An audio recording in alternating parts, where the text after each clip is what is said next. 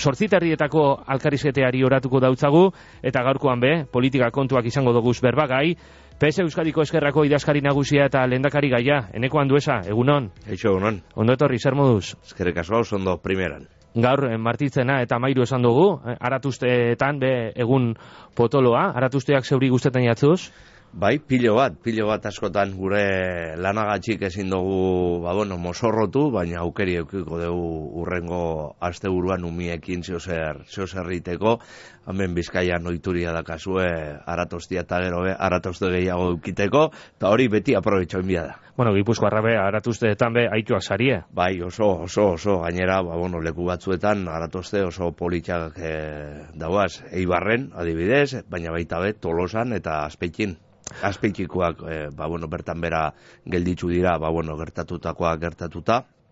Eta, bueno, amendik e, nire gaitzespenik, ba, ba, zintzoena eta eta gogorrena, ez da, alako gauzak ezin ez gertatu inungo momentutan, inungo lekuetan, ez da, eta, bueno, hori aldarrikatu egin behar dugu, denon lana izan behar dela, ba, bueno, e, violentzia matxistaren aurkat danak batera joan behar garela. Mm -hmm. Azpeikia aitatzen zabiz, baina lentxago albiztegi nagusian, gazteiz, tutera, lesaka, iruña beha ikatu doguz, ego euskal herrian, pasagan aztego jenean, amar eraso emakumezkoen kontra, batzuk e, sexu erasoak, beste batzuk e, urruntze agindua ez betetea gaitik, kontua da, zifrak gero eta larriagoak dirala. Bai, bat bakarra izan dabe, larrisa izango litzateke, eta larregi izango litzateke, ez da, baina hainbeste izan da, netako oso keskagarrisa da, ez da. Gainera gai hau, e, askotan ikusten dugu helduen gaia dalata uste dut, eskuntza aldetik geroz eta gehiago egiteke dakaula, eta gure umiei eta gure eskoletan ba, gai honen inguruan zoserreitia be badao, ez da? Eta gu, adibidez, ba, hornen inguruan gure programan ba, usa bat sartu behar dugu, ba, honen inguruan geroz eta e, ba, eskuntzak sexual gehiago sartzeko, batez be e, txikitatik gauza edo gai honen inguruan eskuntza hobe bat emoteko. Hautezkundera, hautezkundetara begira pareuko gara, naiz eta ondino karren, hautezkundetarako data zehatzik ez egon, e, inkestek alderri sozialisteari bi hiru legebiltzarkide gehiago emoten deutzez, amarretik ama bira mairura pasauko litzateke euskadiko alderri sozialistea, e, iguera honen arrazoia zeure eretxian e, zein izan leiteke? Ba, bueno, gauza bat argi dago, inkesta guztiak eh, alderdi sozialistari gorakada ematen dio, eta hori albiste oso positiboa da, oso ona da, batez be, inkestetan importantiena tendentzia, tendentzia da, eta gure tendentzia inkesta guztietan goraka da eukitia da, ezta? Eta hori posgarrisa da batez be nik uste dut hori gure lanaren inguruan, ba bueno, jendiak ona ohartu egin dela, gure lana lan zintzoa eta lan ona dela. Batez be azkenengo legealdia hontan hainbeste gauza pasata gure emaitzak oso onak izan dira, ez da, lehenengo pandemia, gero Ukraniako gerraren osteko, ba, ba bueno, gauza guztiak, eta, ba, bueno, gure lana hor dago, enplegu arloan, garraio arloan, etxe bizitza arloan, eta baita ere turismoa eta bueno, ma, merkataritza eta ostalaritza arloan ere lan oso nahi indegu, ez da? Ta gainera egonkortasuna emon diegu erakunde guztisei, ez da? Alderdi sozialista alderdi oso serioa da eta bueno, e, Euskadi mailan egonkortasuna emotia egoera hontan nik uste jendeak behi honez ikusi duela eta bueno, hor dago hor dago, ba, bueno, ba, tendentzi hori era, ea mantentzen da, nik esperantza guztixa dakat, ez mantentzia baizik eta goraka itia. Boskak, botoak, nondik etorriko jatzu ez ala uste dozu? Ba, nik uste talde guztixetatik, ez da? Geroz eta jendia, geroz eta ba, fidelitate gitxiago dauka, lehen ba, gure nagusisek beti ba, alderdi batetara boskatzen basuten, ba, ba, momentu oro alderdi horri boska ematen zioten, ez da? Hori aldatu inda, kultura politikoa guztiz aldatu inda, eta abidea daukagu, ez da? Azkenengo e, hauteskunde generaletan, ustailean, egin ziren e, hauteskundeetan alderdi sozialista Euskadin irabazi zuen, ez da? Eta hor leku guztietatik harti, hartu genituan e, bosak, batez ere gure, ba, bueno, ba, gure diskurtzoa, gure mesua oso argia zelako, ez da? Eta, bueno, ba, argitasun hori eta gure mesua eta gure programa, ba, bueno, jendea ontzat hartzen dago, ez da? Eta momentu hortan, ontan, ba, bueno, ba, akaso alde, alderdi guztietatik hartuko ditu boskak, eta hori, hori posgarri da, batez be, alderdi sozialista, ba, transversalitate hori, ba, ba, erakusten duelako. Mm -hmm urrengo eusko jaurlaritzan, gaur egungo formulea errepikatuko balitz, e, alderri sozialistak jarleku gehiago atarata hauteskundeetan, sailburu gehiago euki beharko leuke zela uste dozu, ordezkaritza zabalagoa izan beharko leuke PSEek? Bueno, gauza bat argi, argi dago, ez da? Geroz eta garrantzitsuagoak gera, ba, egonkortasuna emoteko eta gehiengoak lortzeko. Eta horrek, ba, pixu gehiago eukiteko aukeria emoten dozku, ez da? Eta hori hor dago, eta gure emaitza gorakada ba, ba, konfirmatzen bada, eta gure pixua geroz eta undilagoa baldin bada, eta gure eh, eskainoak gero eta garrantzitsuagoak baldin badira, ba, gehiengo hori lortzeko, ba, logikoki gure pisua handitu beharko litzateke, ez da? Ba, eta arata gehiago uste oso positiboa izango litzateke guk ondo kudeatzen degulako. Eta ontxe bertan, kudeak eta on hori ba, oso beharrezkoa dela ba, Euskadiko etorkizuna, etorkizun hobiago bat izateko orduan. Ba, bueno, nik oso ondo ikusiko e, nuke, ba, e, ba, pixu gehiago eukitia gobernu hortan eta uste dut euskalduna be ba begi honez ikusiko luketela ba, ba hori ba pisu gehiago eukitia eta beste gauza batzuk ere edo gauza gehiago kudeatzeko aukeria eukitia. Aurrekoan e, irratikate baten emondako alkarrizketan esan zendun turismo garraio etxe bizitza eta enplegu kontuetan jaurlaritza nahiko finibilitala alkarrizketa honetan be ontsa esan dozu eta aurrekoan gaineratu zendun beste sail batzutan eskasibilidala jaurlaritza bera.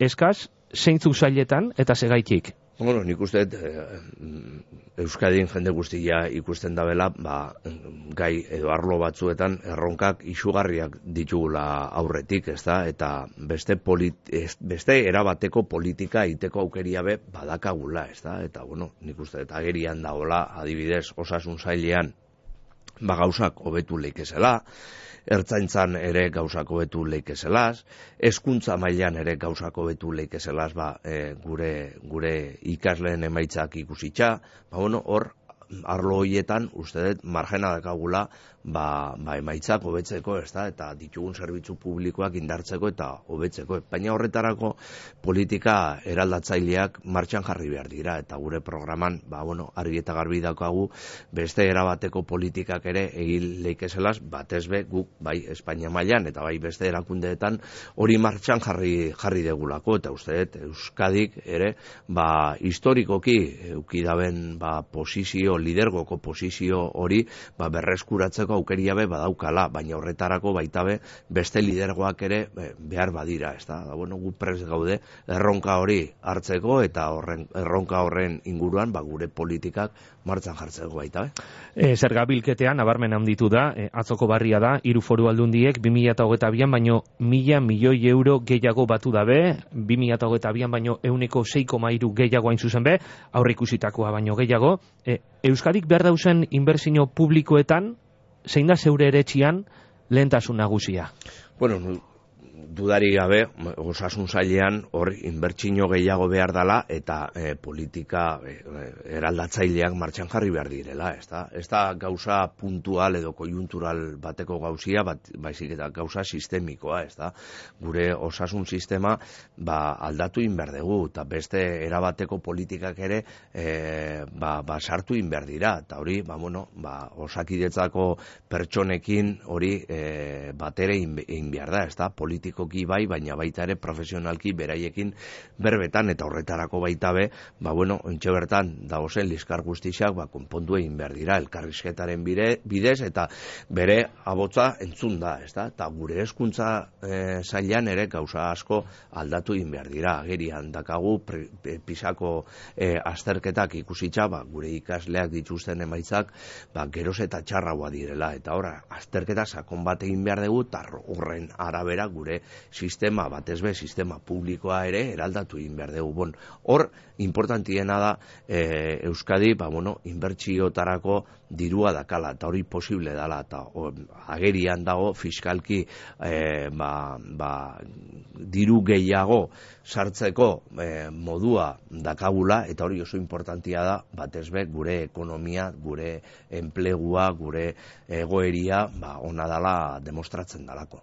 Eta osasun zailan e, gertatutakoa konpontzeko eta eta hobetzeko zer egingo leuke alderri sozialistak, ze orain dela egun batzuk ametik pasau ziran peio txandiano eta eta Imanol Pradalese, e, Imanol Pradalesek esaten eban entzuketa fase baten dauela eta proposamen zehatzak martxan jarriko da bezala eta peio txandiano esaten eban beren bereki kontratazio politiketan e, aldatu behar dela osakidetza bera. PSek zer dino? Bueno, ba, alde batetik oin entzuketa ba, momentu batean eotia, ba, bueno, sail hori kudeatzen desunian, ba, bueno, akaso apurtxu bat berandu, ez da? Baina, bueno, eta beste alde batetik kontratazio arloan, ba, bueno, kontratazio arloan gauzak egin ez, baina hor ez dago horrez dago gakoa, ez da, sistema osuan dago gakoa, eta nik guk esaten deuna da alde batetik, eta batez be, erronka demografikoa ikusitza, bai alde batetik urgentena dena konpontu egin behar da, alde batetik pertsonal e, gehiago ba, kontratatu egin behar da, dudari gabe,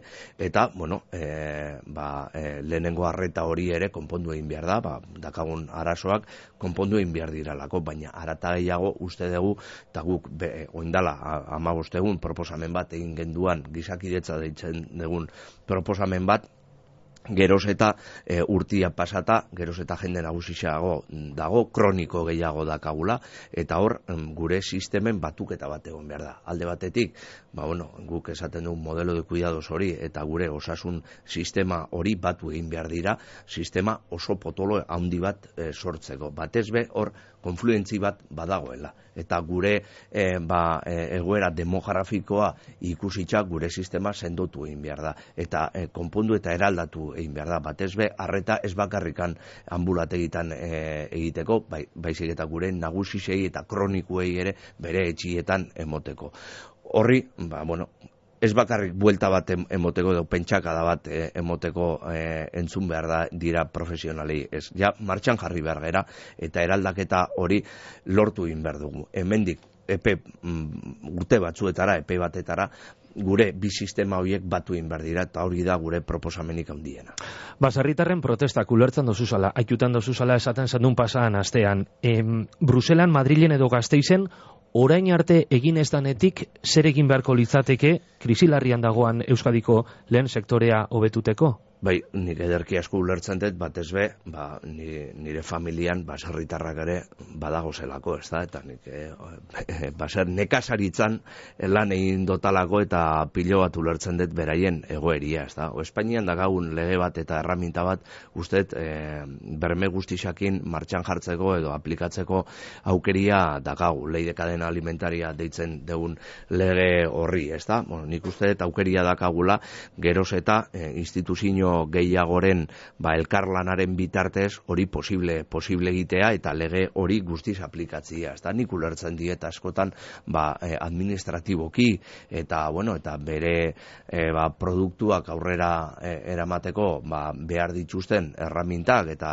admin, erraminta administratiboak eta baita ere ba, bueno, erabiltzen dituzten produktuak ba, ba, akaso e, gehiagiz e, legeatuta dagozela eta beraiei ere errastu egin behar zaiela e, lana. Nik uste eta administratiboki laguntza bat ere behar dutela, ba batez ere tramite guzti hoiei eta legeari eusteko behar dituzten erramintak ba, errestu egin behar zaiela. Uste momentu egokian gaudela beraiekin esertzeko, beraiekin berbaiteko eta behar dituzten erraminta hoiek ba, osatzeko eta martxan jartzen. Horein dela batzuk esan zendun e, Espainian, eredu federal bat sortzeko, konstituzioa aldatu beharko litzatekeela eta aldaketa hori egiteko ausardia behar dela. Eredu federal horrek zertan aldatuko leuke zeure eretxian momentu honetan dagoan autonomia erkidegoen antolakuntzea? Ba, nik uste aldaketia importanti izango litzatekela, batez be, ba, autonomi erkidego batzuei, ba, aukeria e, ematen saielako, ba, ba, autonomi gehiago eukiteko, ez da, eta bere erramintak eukiteko Euskadin, akaso, ba, ba etzen hain nabaria izango, batez be, ontxo bertan, en eurotik lauroita masei kudeatzen ditugulako, eta hori autonomi izugarria da. Akaso, Europan ez dugu e, alako autonomia duen erregio inungik, inun bat e, aurkituko, ez da? Euskadin dakagun kudeatzeko gaitasuna eta erabakitzeko esku, eskubidea arlo guztietan, eta hori da, benetasko erabakitzeko eskubidea, ba, osasun zailan, eskuntza zailan, eta inbesta gauzetan erabakitzeko eskubidea eta kudeatzeko eskubidea eukitia, ba, oso ondia da, baina uste, eredu federal e, hortan, geroz eta zentralizazio gitxio eta autonomi erkidegoen ba, papera e, indartzen, indartzen dala. Gure proposamena hor dago aspalditik, baina bueno, gero hori kongresura eraman da eta ponentzia ba, osatuta ba, alderdi nazionalistek batez ba, uko egin zioten ba, e, debate horri, ez da? Eta bueno, ba, harritzen hau, baina hori hor maiganean dago batez be, adibidez, Kataluniako hausia ba, ba, konpontzeko eta superatzeko, ba, bueno, erramintak dira, gure ustez, Ontxe bertan Euskadin dakagun ba, da autonomia eta ba hori ba, gure gaietan erabakitzeko eskubidea ba, oso handia dela eta gure aspirazioa da be, beste autonomia erkidego batzuk ba, gaitasun bera ukiti. Mm pare bat galdera geratzen jakuz, eh, labur erantzute askertuko neuskizu, denborea badualako, e, estatutua beteta autogobernu barri baterako bidea proposatzen eban, estudio honetan, Imanol Pralesek orain dala egun gitxi, e, bide horretan, PS Euskadiko eskerra, bidaide izango da? Ja, eske, gu bide hortan beti ongera, eta beraie pasatako lehi aldizan, EH Bildurekin joan ziran erabakitzeko eskubidea maigainan jarri zutelako. Orduan, ba, bueno, hipokresi gitxiago eta konkrezio gehiago, ez da?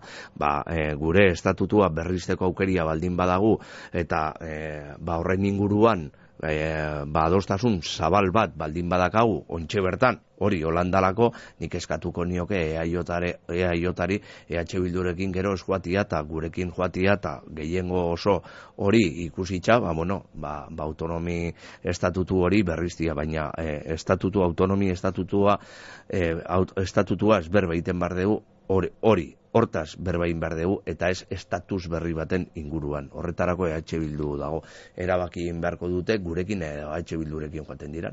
Alderdi Popularrak, ustez, eh, Juntz egaz, Puigdemonten indultoa negozia eban, hori aitzera emonei deutze, Núñez Feijok berak, amalau komunikabideri, azte goien honetan izandako of the record baten. E, adirazpen horrek, Galiziako eta Euskadiko autoskundetan eragina eukileikela uste dozu? Ba, segurazki baietz hori agerian lagatzen daben gauza bakarra alderri popularren hipokresia utza da, ezta? Beraiek seguru asko mm, Puigdemonekin eta Junsekin berba indabez eta aukeria baldin badakate gobernura gatzeko berain botuekin bere egingo dute, ez da? Baina, bueno, ba, beren politika eta beren diskurtsoa izan dana, izan dala.